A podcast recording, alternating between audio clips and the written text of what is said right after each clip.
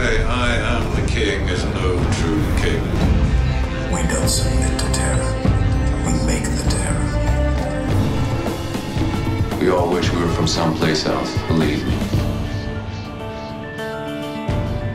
The first revolution is when you change your mind. De Varagids podcast.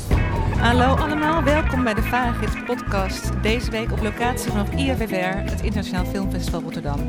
Ik ben Kleding van Wijngaarden en samen met mijn collega's Floor Overmars en Roger Abrams praten we vandaag met Vincent Boykars.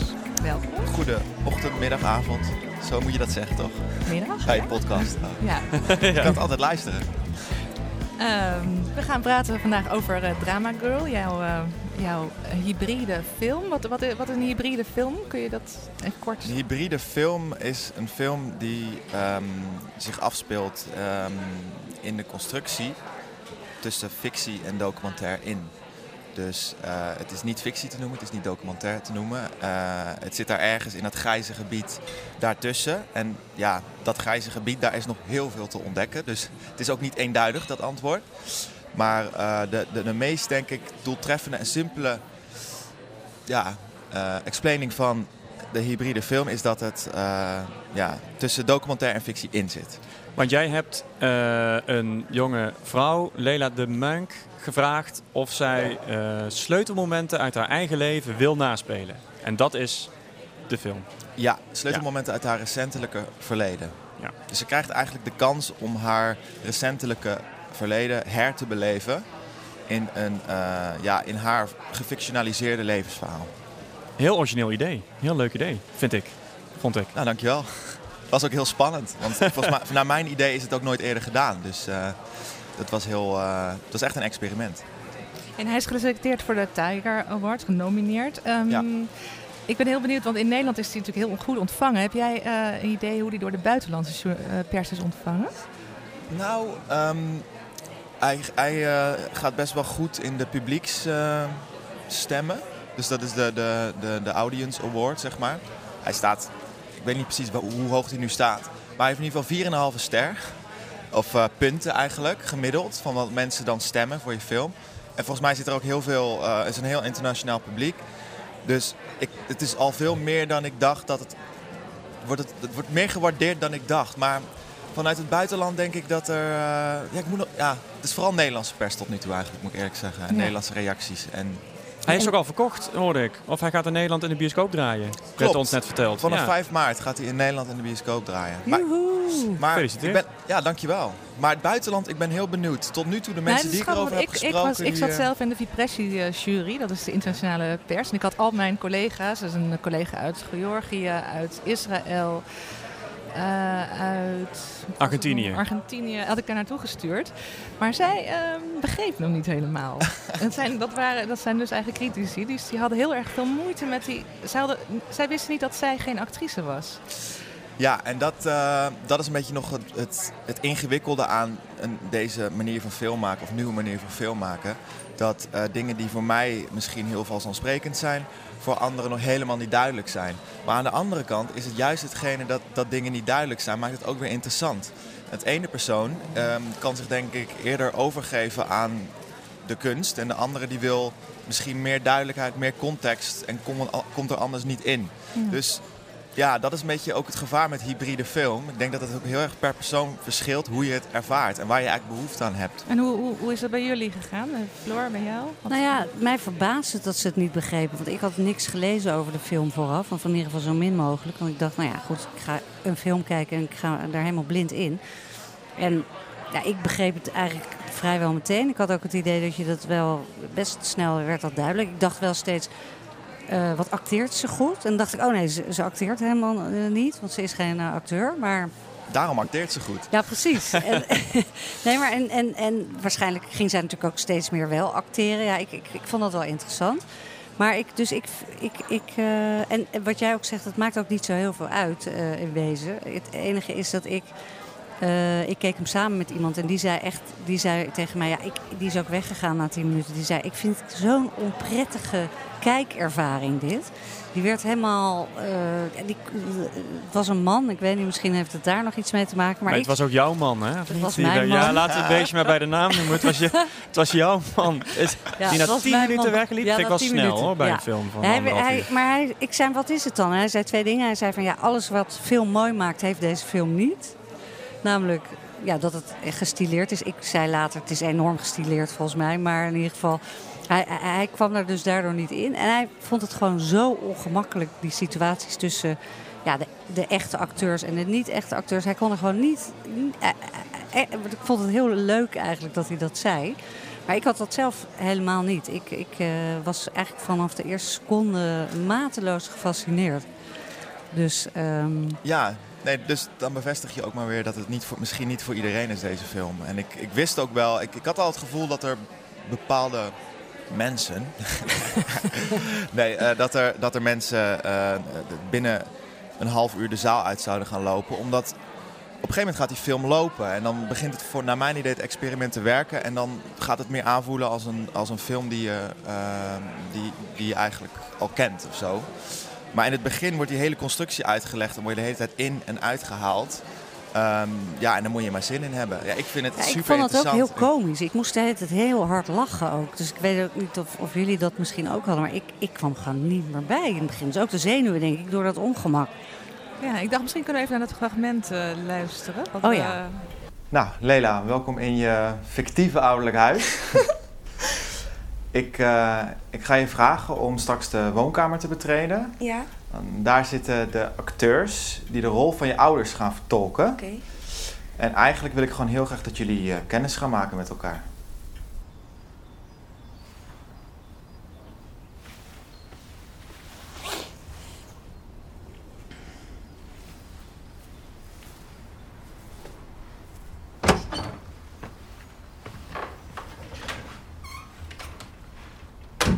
Hallo. Hey. Hoi. Elsie. Leila. Hoi. Hallo, Pierre Boekma. Hey, Hallo. Leila. Hoi. Hoi. Eh, ja. Raar zeker, hè? Ja. ja.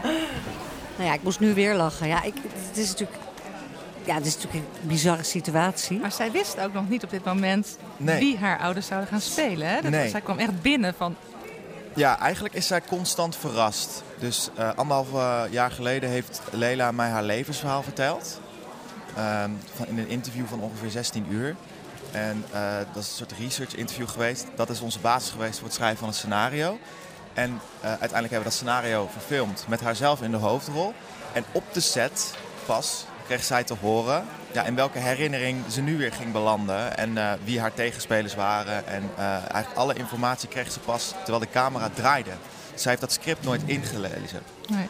Ehm, dus dat Pierre Bokma en Elsie de Brouw haar, haar Nee, ouders zouden spelen. Dat... nee, Kennen ze ze wel? Als acteurs, Ehm, want het lijkt me ook nog, kan ook nog best zijn dat je denkt, nou ja, die mensen zeggen me niks. Ja, Pierre herkende ze ergens van. en eh, Elsie kende ze nog niet. Maar eh, toen ze eenmaal wist wie het waren en ze hen even gegoogeld had, beseften we wel dat, het- dat het niet eh, de minste acteurs waren. Maar dat googelen deze dan pas achteraf. Of, of... Ja, nou ja, tussen de draaidagen door. Want Ja. we hebben niet, we hebben eh, denk ik ongeveer in een maand alles geschoten. En eh, dan neem je af en toe even pauze, even uitrusten. En wij moesten ook telkens anticiperen op wat er gebeurde in het proces als makers. Dus dat, dat script bewoog ook mee met ehm, ja, wat de verfilming van het script opleverde. En de ontwikkeling daarvan. Ja. Hoe, hoe heb je haar ontmoet en hoe, eh, wanneer bedacht je, ik wil een film maken met haar, van haar leven? Nou, eigenlijk begint, eh, beginnen mijn films altijd met een idee.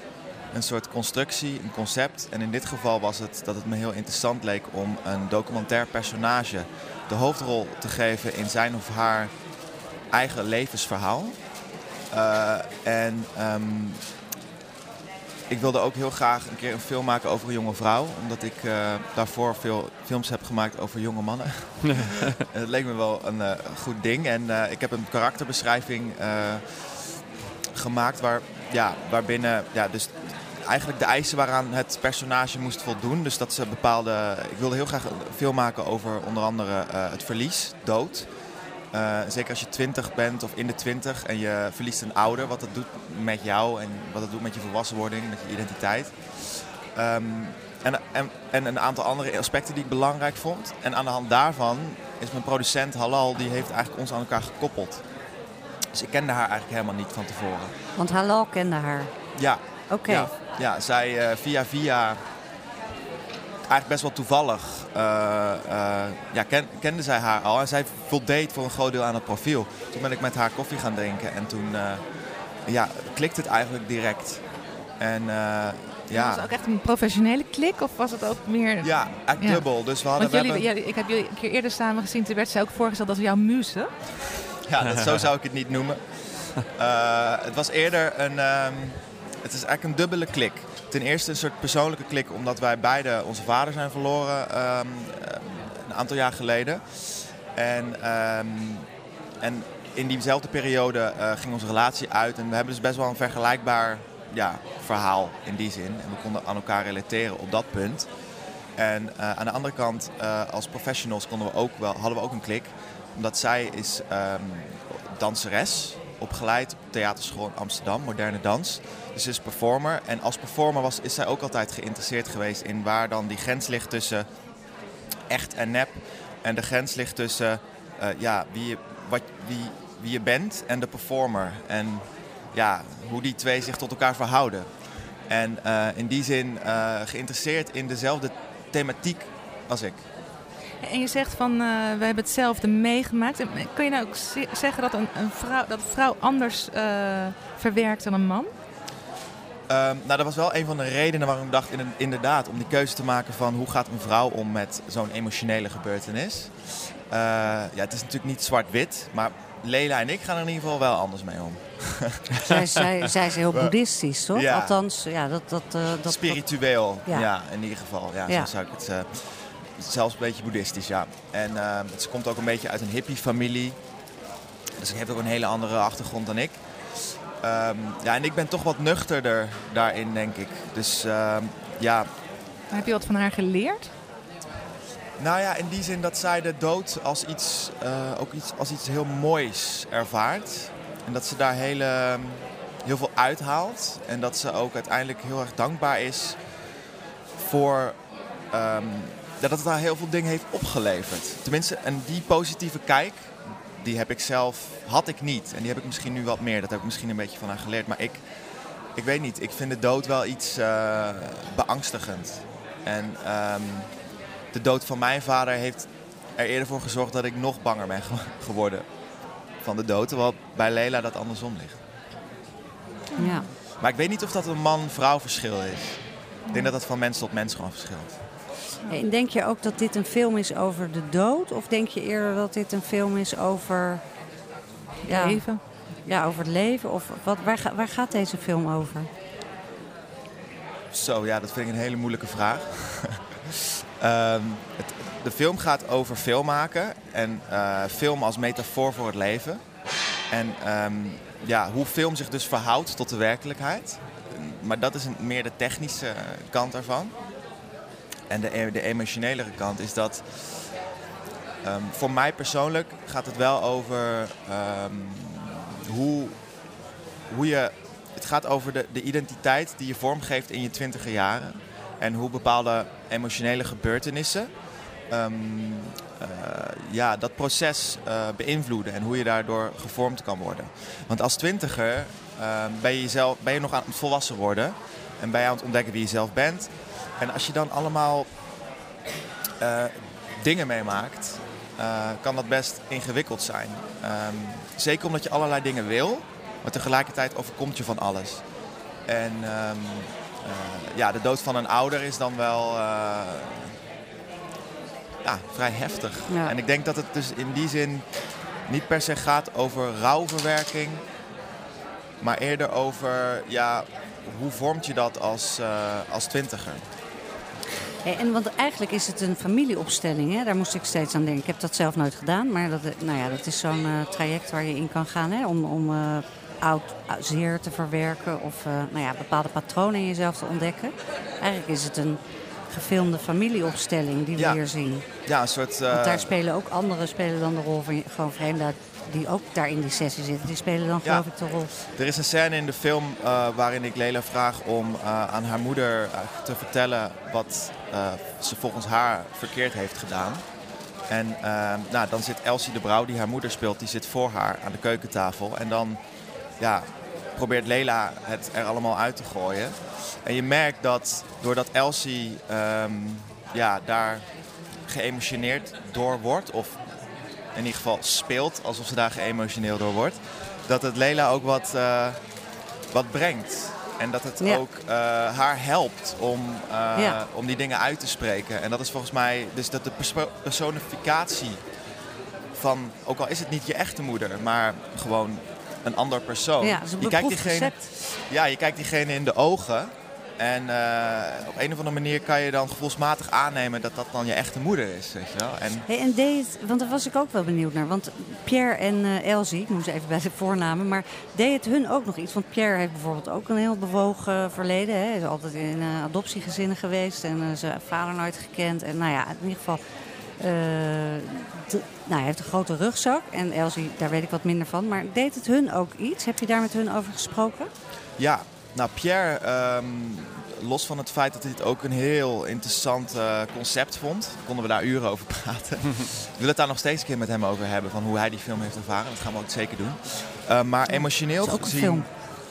Ja, een podcast. misschien, Podcast ja. wil ik zeggen. Ja.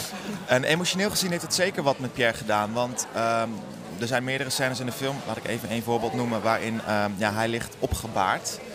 Ehm, en ehm, Lela eh, eigenlijk afscheid neemt van hem alsof het haar vader is. eh, in een monoloog. En ehm, ja, Pierre die heeft nooit. Ja, die heeft altijd een pleeggezin eh, geweest en heeft nooit een, zijn eigen vader gekend. En in één keer voelt het wel heel echt. Alsof hij die vader is van haar. Want normaal speel je met een tegenspeler, die is ook een acteur. En nu is het echt een meisje die haar echte gevoelens op jou projecteert. En ehm, ja, dat, is toch wel, dat heeft hij toch wel als bijzonder en emotioneel ervaren. En er is later nog een film in de... eh, sorry, een scène in de film, maar die wil ik niet verklappen. Eh, en, eh, en daar... ehm, ja, was, het, was dat nog wel confronterender voor Pierre. Maar Ja, als je dat gaat ik zien in de film, dan bedoelt, Ja, ja, ik denk dat snap ik je het ook wel wat ik Ja. daarmee bedoel. Ja. Hey, Rocher, ik hoor jou niet zo heel veel eh, zeggen, maar jij had wel, jij, jij, jij, had, jij, jij keek hem iets anders dan, dan wij hem hadden gezien. Hè? Ja, want wat vertellen? Wat ik eigenlijk wilde vragen is, je, je, je had het al over een familieopstelling en op een gegeven moment realiseerde ik mij dat, eh, ja, dat, ik, dat het wel eh, leek alsof ik naar een soort therapie keek voor Lela. Ehm, en ik had, ehm, ja, mijn reactie leek dan toch meer op die van jouw man. Eh, ik merkte dat ik er, ehm, eh, na, na het begin, waarin alles wordt uitgelegd, en dat is dan een beetje puzzelen en nieuw, dat vond ik heel boeiend. Eh, dat daarna toch mijn aandacht een beetje verslapte, omdat ik eigenlijk vond, ja, ik vond het eigenlijk niet zo interessant wat er gebeurde. Ik vond, ondanks het feit dat het, het verliezen van een ouder natuurlijk heel ingrijpend is, ja, miste ik dan toch een soort verhaal. Eh, het, het, het bleef voor mijn gevoel heel veel bij, ja, praten over gevoelens. Wat eh, Lela en degene die haar vriend speelde heel erg goed kunnen. En, en ja, dat was voor mij niet eh, voldoende. Dus ik wilde eigenlijk vragen waar jullie dan sp- als kijkers de spanning uithaalden in dat, in dat latere deel van de film. Dat je dan toch Ik denk, geboeid... ik denk toch herkenbaarheid ook. De gesprekken vooral. Ja, ik heb geen ouder verloren, maar wel de, de, de, een relatie is wel uitgegaan. En inderdaad dat je dan echt dat ziet gespeeld worden. Dan denk je, oh wauw, ja, dat, dat komt heel dichtbij. Ja. Dat, dat, dat voelde ik. Ja, voor mij was het meer de, eh, de spanning van dus dat het niet echt was en dat het wel echt was. En dat zat er de hele tijd zat het ertussen voor mij. En daarom moest ik ook op hele rare momenten heel hard lachen. Gewoon uit puur ongemak, denk ik. Ehm, dus dat, dat hield mij gaande. En ik vind ook, ik, ik hou heel erg van psychologiseren. Dus dat, wat dat betreft, eh, ja, Zat je goed? zat Dat- ik goed. ja, Ja, dat nee, zal dat- het ook wel zijn, denk ik. Eh, we hebben het al wel eens eerder gehad over die podcast van Esther Perel, waarin ze stellen eh, ontvangt en daarmee praat. En dan kan je dan naar luisteren. Ja, dat vind ik heerlijk. Er zijn natuurlijk heel veel mensen die denken, ja, het zijn mijn problemen niet, ik, eh, ik heb er niks mee. Maar ik vind, dat, ik vind het boeiend. Dus dat was eigenlijk, ja, Hoewel en wat ik- ik ook heel knap vond, was haar gearticuleerdheid. En dat werd ook steeds meer. En je zag ook steeds meer dat ze steeds meer gaat voelen. En dat vind ik heel mooi om te zien. Ja, maar vond ik ook irritant. Maar dat vind ik dan ook weer leuk. Want ik vond het heel irritant dat ze een soort acteur werd. Ik dacht, ja, wil je ontdekt worden? Wat ben je nou aan het doen? Dus dat zat er ook allemaal in. Dus Ja. dat vond ik ook Ja. heel leuk, Ja. eigenlijk. Ja, ja daarom, je, je, ziet, je merkt het al aan deze tafel. Het is niet een film voor iedereen, denk ik. Maar de, Gelukkig, toch? Ja, gelukkig maar. Ik bedoel, daar doe ik het ook niet voor. Nee. Het, is, eh, het, het is een experiment. En ehm, kijk, wat voor mij, eh, dat, dat, en dat begin inderdaad, wat je zegt, eh, wordt die constructie heel erg eh, zichtbaar. En oh, zo gaan we te werk in dit experiment. En op een gegeven moment heb ik ervoor gekozen om ehm, ja, gewoon de drama en cinema meer vast te houden. In plaats van de hele tijd er doorheen te breken om gewoon mee te gaan in dat verhaal. En het, de een ehm, lukt dat, stelt zich ervoor open of vindt het interessant. En de ander eh, blijkbaar niet. Ja, en het, nog even Ja. over wat mijn man dus zei. Dat, het- dat hij heel erg miste van ja, alles wat filmmakers eh, films mooi maakt, dat mis ik. Maar het was dus heel erg gestileerd. En dat vond ik dus ook heel Dan leuk. had hij moeten blijven zitten. Dan was Precies, hij denk want ik dat wel werd op andere steeds meer. Ja, want Kleur en Ja, compositie. En, eh, ja. ja, Er is een wandeling van Lela, dan zie je haar komen, dan gaat ze de trap op in, op een station. Ook een heel mooie shot. Je hebt dan rechts de trap en dan links zo'n soort Oh, ja. gang. Dan komt ze aanlopen. Ja, dat vond, vond ik juist heel erg gestileerd. dit soort dingen, ja. Muziek eh, vond ik ook eh, heel prettig erbij trouwens. ja, dankjewel. Ja, daar ben ik ook heel blij mee met de Ja. muziek. Maar heb je het door Zwart. espresso... eh, oh, sorry, gemaakt door? Bo Zwart, Oké. composer. Ehm, maar heb je het expres zo gestileerd om de vorm... eh, om, om ook dat te laten detoneren met, met de vorm? Of... Ja, nou, hiervoor heb ik eigenlijk uitsluitend documentaires gemaakt. Of in ieder geval eh, werkte ik alleen maar met een cameraman en geluid eigenlijk. Eh, dus nu kon ik uitbreiden en krijg, dan kan je in één keer een hele eigen wereld vormgeven. Dat was voor mij helemaal nieuw. Dat zie je ook in het begin van de film, dat ik de, daar nog niet echt helemaal controle over heb. En langzamerhand eh, begin ik ook te leren zo van, oké, dit is een beetje wat ik tof vind. En dus daar, daar zie ik zie zelf althans mijn ontwikkeling daarin ook. En ik heb er zeker bewust voor gekozen om die wereld helemaal zelf te creëren en aan te kleden en ook echt duidelijke keuzes in te maken. Want we zijn natuurlijk een echt leven aan het dramatiseren. Dus ehm, ja, dan wil ik daar ook niet. eh, ja, dan wil ik daar ook echt een keuze in maken of zo. Om dat echt voelbaar te maken van een, een echt meisje in een gedramatiseerde werkelijkheid te plaatsen. Zie je zelf nog wel eens een eh, fictiefilm maken? Compleet eh, 100% fictie? Ja. ja, dat denk ik wel. Ehm, ik eh, ben alleen nog niet klaar met mijn onderzoek in, eh, in de het hybride grijze gebied waar we het over hadden. Ehm, ik vind het, voor, voor mij was het heel interessant om een documentair personage ehm, samen met acteurs eh, scènes te laten creëren. En dat is iets waarvan ik een aantal momenten in de film vind ik het uitzonderlijk goed en heel fascinerend werken. En ja, dat zijn de momenten dat ik denk van, wow, ja, er zit echt iets in. Misschien wel, het is misschien mijn manier van, van film maken of, of misschien zelfs een soort nieuw genre. Ja, waarbinnen dus, ehm, ja, de, een nieuwe stap in de hybride manier van film maken. Eh, dus ik ga nog wel even door met eh, een beetje eh, ja, onderzoek doen eh, in dat gebied. En als ik dat gedaan heb, dan zou het me heel geweldig lijken om een keer een speelfilm te maken. Ja. Nou, Op mijn eigen manier dan. Kan niet anders. Nou, dankjewel voor het gesprek. Ja, dank je. Jullie Ja, ook dank echt je. bedankt voor jullie eerlijke eh, kijk, ook op de film. Nee, maar daar, daar heb ik ook wat aan, weet je. Dat, eh, Ja, dat, dat proberen we ook te doen in deze podcast. Ja. Oké, dankjewel. Onze tweede gast is Janneke Boeing. Eh, zij maakte de spe- speelfilm Porselein. Een film over een, eh, een, een perfect gezin. Vader, moeder, een engelachtig zoontje. En dat loopt eh, helemaal uit de hand. Yes, Eh, dat klopt. Dat klopt. Hoe, heb jij, hoe, hoe, hoe kwam je op het idee voor deze film? Ja, dat eh, vind ik altijd best een lastige vraag. Want ik heb het gevoel dat wij niet op een idee kwamen. Maar, en dit klinkt heel zweverig, ik heb altijd het gevoel dat het idee er al was. En eh, dat we dat gewoon heel snel eigenlijk in een week het basisidee hebben opgeschreven. En dat is eigenlijk nooit meer eh, veranderd. Dus waarschijnlijk, het, het is een beetje ontstaan vanuit het gevoel wat ik heb over de moderne westerse maatschappij en hoe wij met elkaar omgaan. En het gebrek eh, van contact.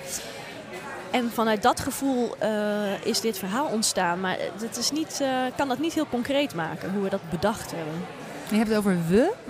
Oh, ik heb het geschreven samen met Thibaut Delpeut. Eh, de film heeft drie actes. We hebben de eerste acte, daarin wordt eigenlijk een soort exposé. Er wordt, wordt het opgebouwd en dan gaan we naar een tweede acte, derde acte. Is dat heel bewust zo, eh, zo gekozen? Is, is, er iets, is het gegroeid ook tijdens het maken of heb je, ben je zo ook begonnen? Zo zijn we ook begonnen. Ja, die eerste eh, outline was gelijk zo in drie delen. En dat was ook omdat we een grote stap wilden, ja, eigenlijk twee grote stappen wilden maken. Van toch even laten zien dat perfecte gezin. Dan naar, nou ja, het drama eigenlijk. En dan naar een hele andere fase. Dus dat is altijd zo geweest. Hey, en, want je zegt, uh, het is eigenlijk ontstaan uit mijn uh, idee over de moderne samenleving. Hè? Dat gebrek aan contact. ik ga daar natuurlijk nu meteen en denk ik, oké, ja, dat snap ik. Maar waar, waar, waar doelt ze nou precies op? Is dat het gebrek aan contact tussen, de, tussen het echtpaar? Of is het, of is het het gebrek aan contact tussen zeg maar de hulpverleners. en, uh, de, want, nou ja, goed, ja, misschien, misschien even vertellen. Ja, precies, wat, verhaal, wat het ja, verhaal want, eigenlijk is. de, de, de, nou ja, goed, dat kan jij misschien beter vertellen. In ieder geval, het gaat over een well-to-do echtpaar. Hè. Ze wonen samen. Die man die heeft een goede baan. Zij heeft ook een goede job. Zij onderzoekt porselein, hè? Ja, Of zij... heeft echt de absolute top bereikt in de restauratie ja. van porselein. Anna. Precies, Anna. En ze hebben een zoontje, Thomas. En dat zoontje, aanvankelijk denk je nog, nou, dat is een schatje. Hè? Jij zei het al, engelachtige verschijning. Maar uiteindelijk komt het moment, Anna staat in een kerk, staat ze iets te restaureren. Er komt een telefoontje. En Thomas blijkt een hap te hebben genomen uit de arm van een uh, kind. En zij komen dan bij die mensen op school. Ze, en die man is nog zo'n beetje van, uh, ja god, het zijn toch jongens onderling. Ik heb ook wel eens iemand... Uh, maar je hebt als kijker wel vrij snel door, oh jezus, hier is misschien wat meer aan de hand. Dat jongetje daar ja, daar is iets mee. Die, die, die, die, is, psychisch is daar iets mee aan de hand. En nou ja, uiteindelijk is de film eigenlijk een verdere zoektocht naar wat is er dan met het jongetje aan de hand.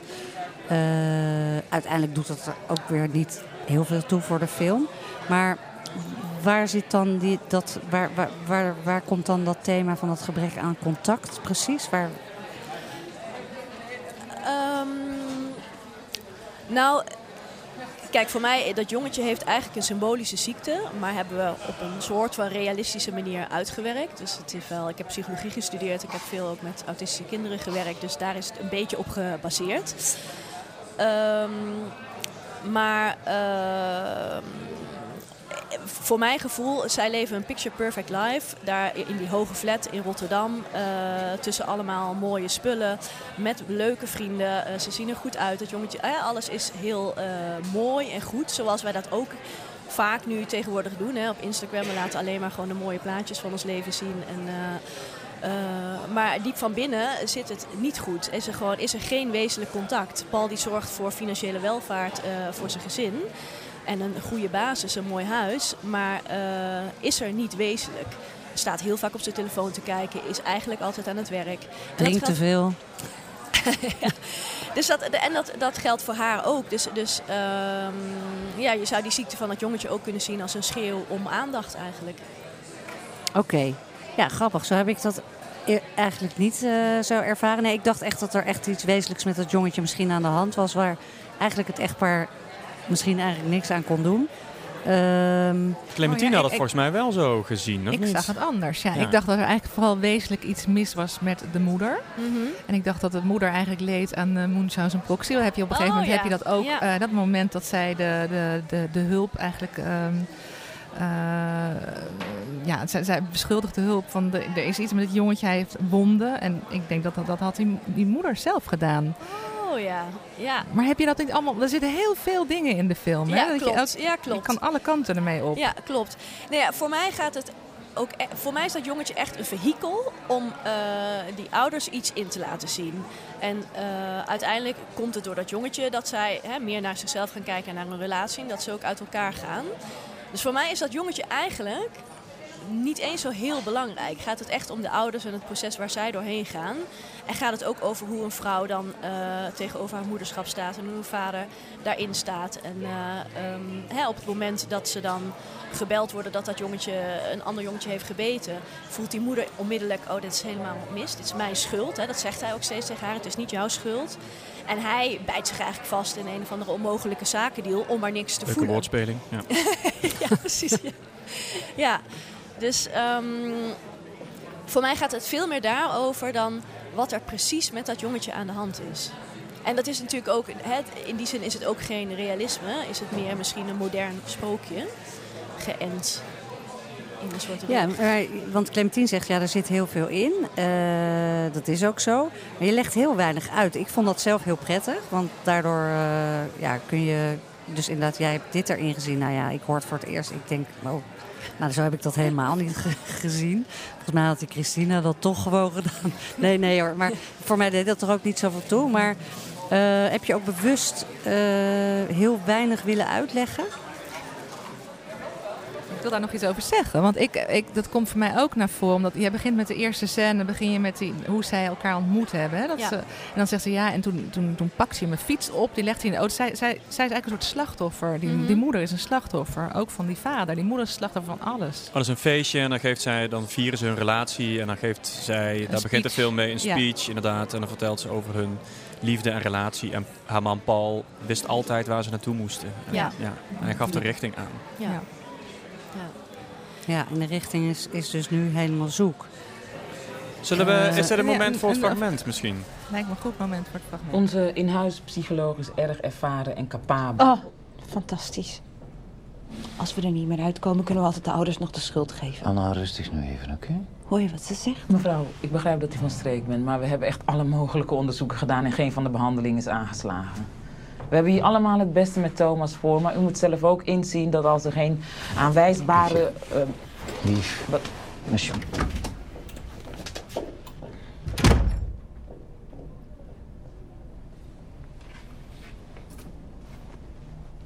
Excuseer. Mijn vrouw is... eh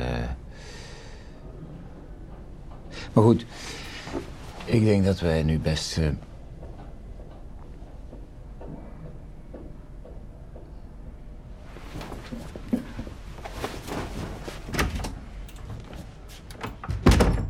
Heel tof eh, acteur vind ik trouwens, Tom Vermeer. Ja, ik heb hem net gezien in eh, De 12, de rechtbankserie op Vlaamse televisie. Ja, echt heel goed vind ik het.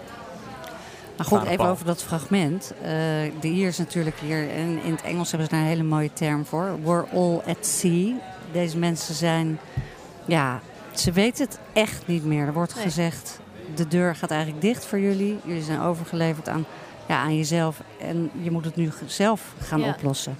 Ja. En ehm, is het, ik vroeg me af, is, is, is de film ook een aanklacht, zag je het zo, een aanklacht tegen de Nederlandse zorg voor mensen die dit soort dingen meemaken? Nee, eigenlijk ben ik daar helemaal niet mee bezig geweest.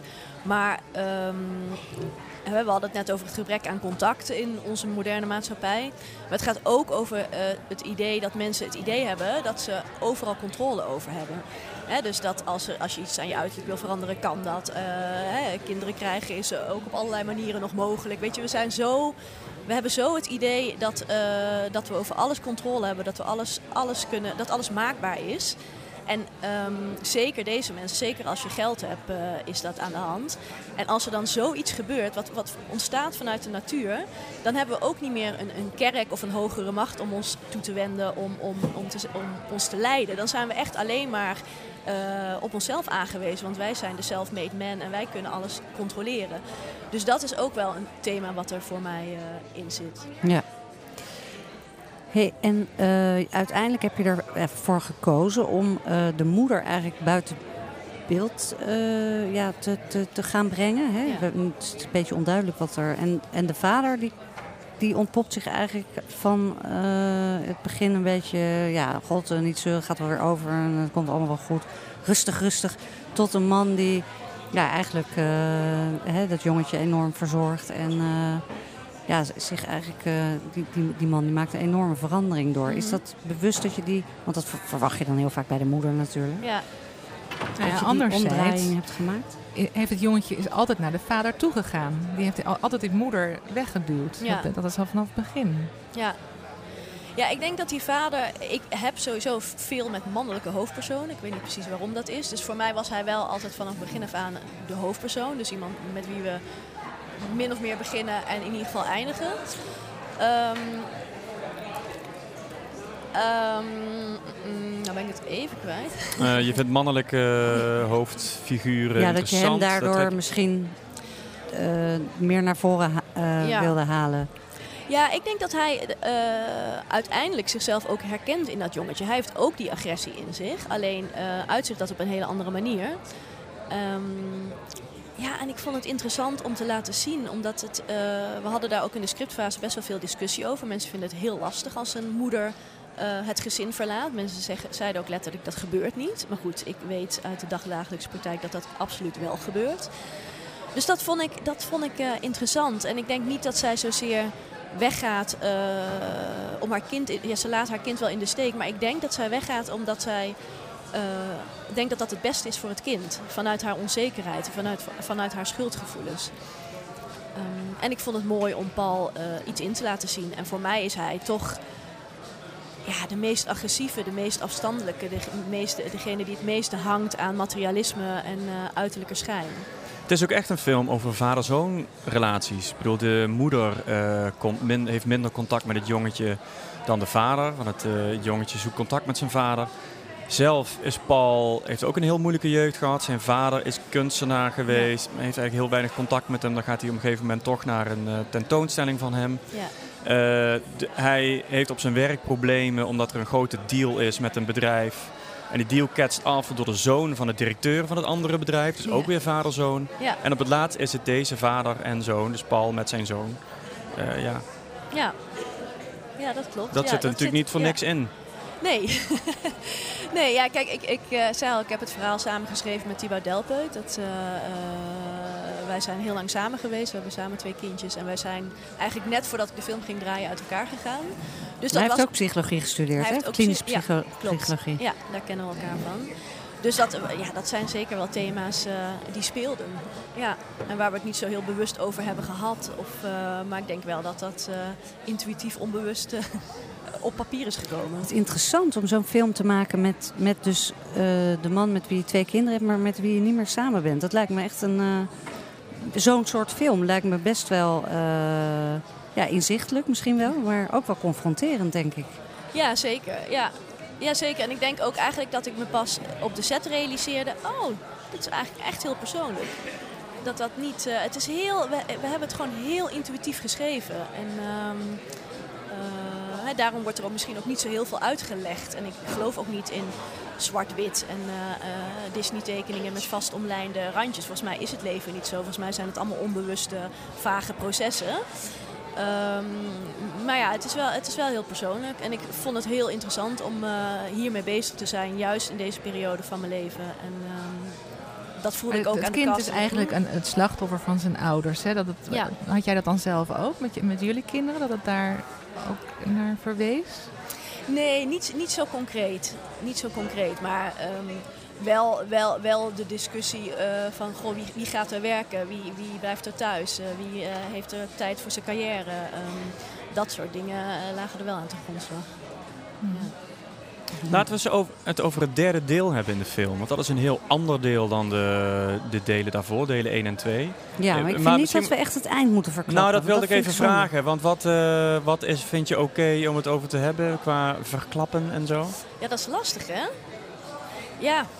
Ehm, ja, ik denk niet dat we het allereinde moeten verklappen. Oké, dan doen we dat niet. Maar dan kunnen we het wel over sfeer hebben Ja. en zo. Ja. Dat het ja, zich en misschien ook wel over ehm, of jullie heel erg hebben nagedacht. Meestal moet je natuurlijk met verhalen schrijven, is dat ook zo. Denk je enorm na over.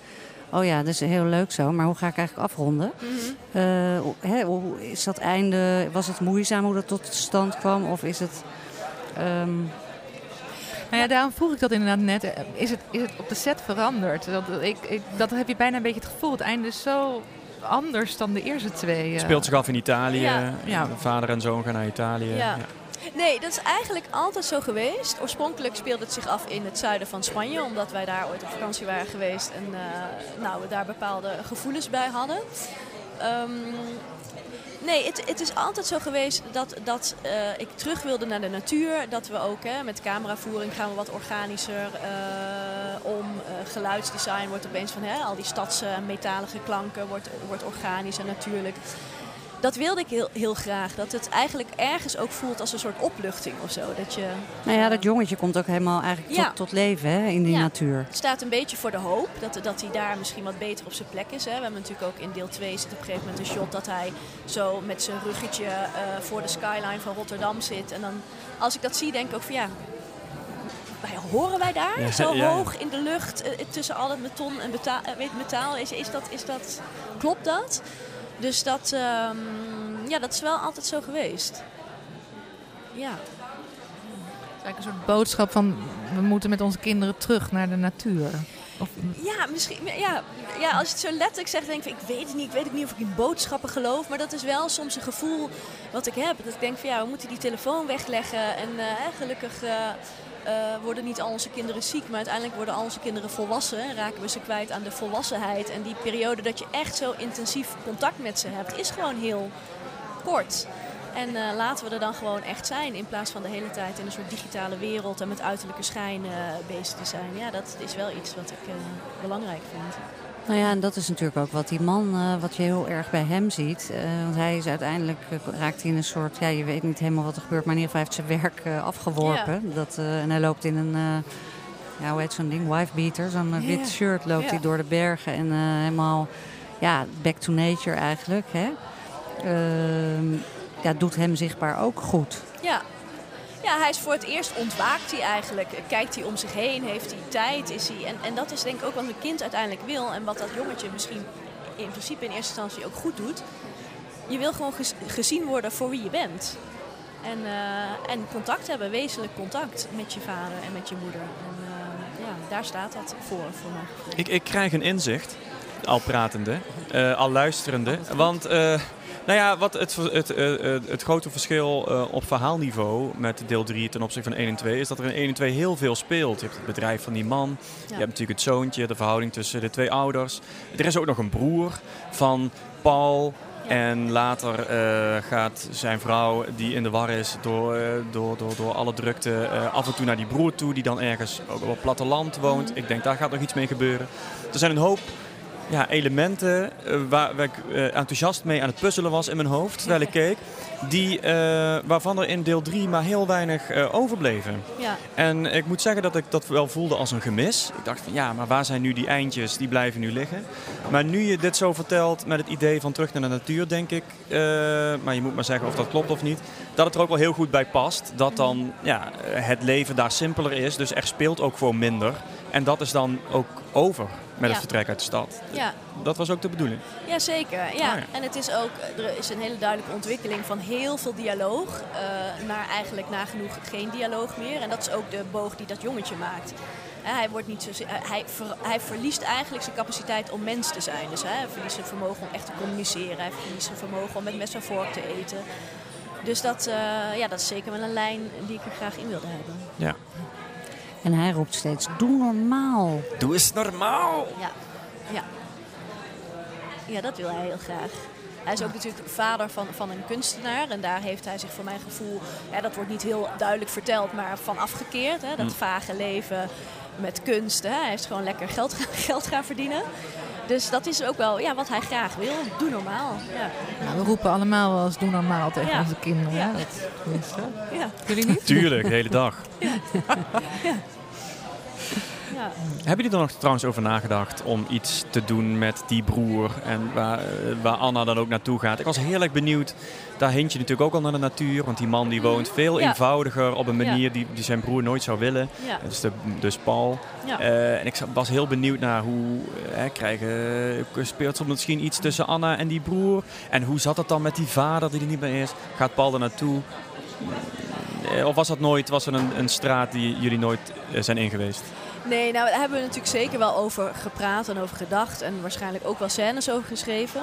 Maar uiteindelijk was dat niet de hoofdlijn. En ehm, ja, we, hebben we echt ook wel gedacht van moeten we later nog iets laten zien. Van waar is Anna dan en hoe gaat het dan met haar? Hè? Want anders blijf je misschien een beetje zo op je honger zitten. Of hoe zeg je dat? Ehm, maar dacht van ja, daar, daar, ga- daar gaat het niet over. Zij is weggegaan en zij, zij is op zoek naar een ander soort geluk. En zij heeft dat niet bij dat gezin kunnen vinden. En ehm, ja, dat is genoeg. Ja. Het is helaas geen miniserie, dan hadden we dat vast gedaan. Ja, ik vind dat toch jammer. Ik, ik zelf vind het jammer hoor. Dat er Ja. heel, veel, heel veel wordt opgeworpen in de eerste Ja. twee actes. Waarvan Ja. je denkt, ja, nu gaan we de derde en het wordt helemaal niet Nee. uitgewerkt. Dat, Nee. dat mis ik dan wel. En, ook, Ja. ja. Ja, en de moeder krijgt ook een beetje de schuld daardoor. En dat vond ik ook wel jammer, geloof ik. Dat voelde ik ook. En dat eh, was ik heel benieuwd naar. Of dat, want dat, dat, dat, hè, dat is natuurlijk, wij zijn vrouwen. Dus eh Roger moet Ja, dat ik, ik vond dat namelijk niet. Dus misschien hebben we hier iets te pakken. Nee, ja, precies. Dat kan heel goed. Ik Geef had dat- jezelf toch niet de schuld de hele tijd. Zij, eh, maar goed, vertel verder. Nee, nee, ik heb, maar in ieder geval, ik had dat ook een beetje het idee. Dus ik dacht van ja, is dat, hebben jullie dat bewust gedaan? Of is dat, want wij ervaren het anders natuurlijk. Nou ja, volgens mij is het wel een film waar gewoon de meningen heel erg over verdeeld zijn. Dus hè, er zijn inderdaad mensen van ik vind het jammer, ik had meer antwoorden gewild. Er zijn ook heel veel mensen die zeggen van oh, ik vind het heel fijn hè, dat ik er een beetje verder zelf over mag filosoferen. Uiteindelijk vind ik het fijn dat mensen wat langer nadenken over een film en het uiteindelijk op zichzelf betrekken. En ik denk van hoe meer ik invul, hoe meer ik de, eh, de lijntjes dik kleur en uiteindelijk alles eh, closure geef voor alles, hoe meer je kan denken, oh dat is hun verhaal, daar heb ik niks mee te maken. Dus hoe meer het open is, denk ik, ja, hoe meer je dan kan denken van, oh hoe zit dat dan en hoe zit dat dan bij mij. Dus dat is wel, eh, nou ja, gewoon iets waar ik van hou in ieder geval. En ik weet dat niet iedereen ervan houdt, maar dat is wel dan mijn, mijn stijl of zo. Of iets, eh, zo wilde ik in ieder geval graag deze film maken. En ja, schuld, eh, dat is wel iets wat volgens mij inderdaad bij vrouwen hoort. En, eh, dus dat vind ik ook wel interessant dat dat dan naar boven komt. Voor mij is zij niet de, sch- de schuldige. Voor Ehm, mij is zij ook niet de schuldige. Voor mij is eigenlijk het moment dat zij die fiets in die achterbak bij die man legde. Ja, dat. Ja. is eigenlijk het moment dat, het, dat zij haar leven vaarwel zegt. ja, ja. Ja, dat is heel treurig. Nou ja, en ze zegt in het begin ook al, ik weet, hè, van in die speech die ze houdt, Ja, bij speech. man zegt ze, dit vertelt ze hè, over hoe ze elkaar ontmoet. En dat ze Mhm. inderdaad, nou ja, misschien slachtoffer was van een soort, eh, ze was heel onzeker blijkbaar. En ze was meteen helemaal swept off her feet, terwijl het toch niet helemaal haar eh, hè, type was. Een beetje proleet Ja. vond ze. Testosteronman. Ja. Maar ze zegt ook, nou ja, en later dan, hè, nu hebben we een kindje. En, eh, en maar ik ben vijf jaar geleden ben ik even de weg kwijt geweest. Dus dat daar, ja, hebben jullie iets ingestopt waar, waar ik dus van dacht van, oh, maar we hebben hier te maken met een labiele vrouw. Ja. En ja, Ondergeschiktheid zit daarin. proxy, ja. Nou ja, ja, Munchausen proxy zeg jij. Nou, ik zeg, ja, schuld. Ja, wat voor schuld? Misschien is ze verknipt, is, ze- kan ze geen contact maken of misbruikt. Of dat jongetje is heel afwerend naar elke keer hem wil aaien, dan, dan eh, trekt hij zich terug. Dus ik dacht van ja, dat is er toch bewust ingezet. Hè. Jullie hebben dit, dit zinnetje had je er ook uit kunnen Ja, laten. Maar ja, het is klopt. één zinnetje. Ja. Ja. Dus daarmee ja, zet je de mensen wel in een bepaalde richting, denk ik. Althans mij. Ja, nee, dat, dat snap ik. Dat snap ik. En ehm, ehm, ja, ik, ik denk, ik wilde wel ook graag iets zeggen over hoe heel stigmatiserend sommige mannen en sommige vrouwen in het leven staan. En eh, dat, dat dat schuldgevoel en het idee van ik kan het niet of ik heb een leidraad nodig, toch meer bij vrouwen hoort dan bij mannen die vaker in de agressie gaan en in de aanval. Ehm, ja, zonder daar eigenlijk een eh, waardeoordeel eh, aan te hechten of ehm, ja, haar te veroordelen. Dat is eigenlijk niet wat ik, ehm, wat ik wilde. Nee, nou ja, goed, zoals Roger zegt, die had dat helemaal niet. Dus die dacht gewoon, ja, Nou ja, het het is hun allebei, het, is, het is hun allebei overkomen, Ja. dit met dat Ja. kind. Niemand weet wat er aan de hand is. Ook de dokter niet. De hele wetenschap is uitgespeeld. Ja, wat dan? Ja. Ja, zij kan daar niet eh, mee omgaan. Be- be- best be- begrijpelijk. En eh, ja, maar het, ze heeft dan niet, het is niet haar schuld. Zo zie ik het niet. Nee. Nou, zoals je maar ziet, een film eh, waar veel eh, over nagepraat kan worden. Ja. Beste luisteraars. En deze film gaat ook draaien in de bioscoop. Vanaf wanneer? Vanaf half maart. Half maart. nou leuk. Nou, dankjewel voor het gesprek. Ja, jullie bedankt. Dankjewel. Dankjewel.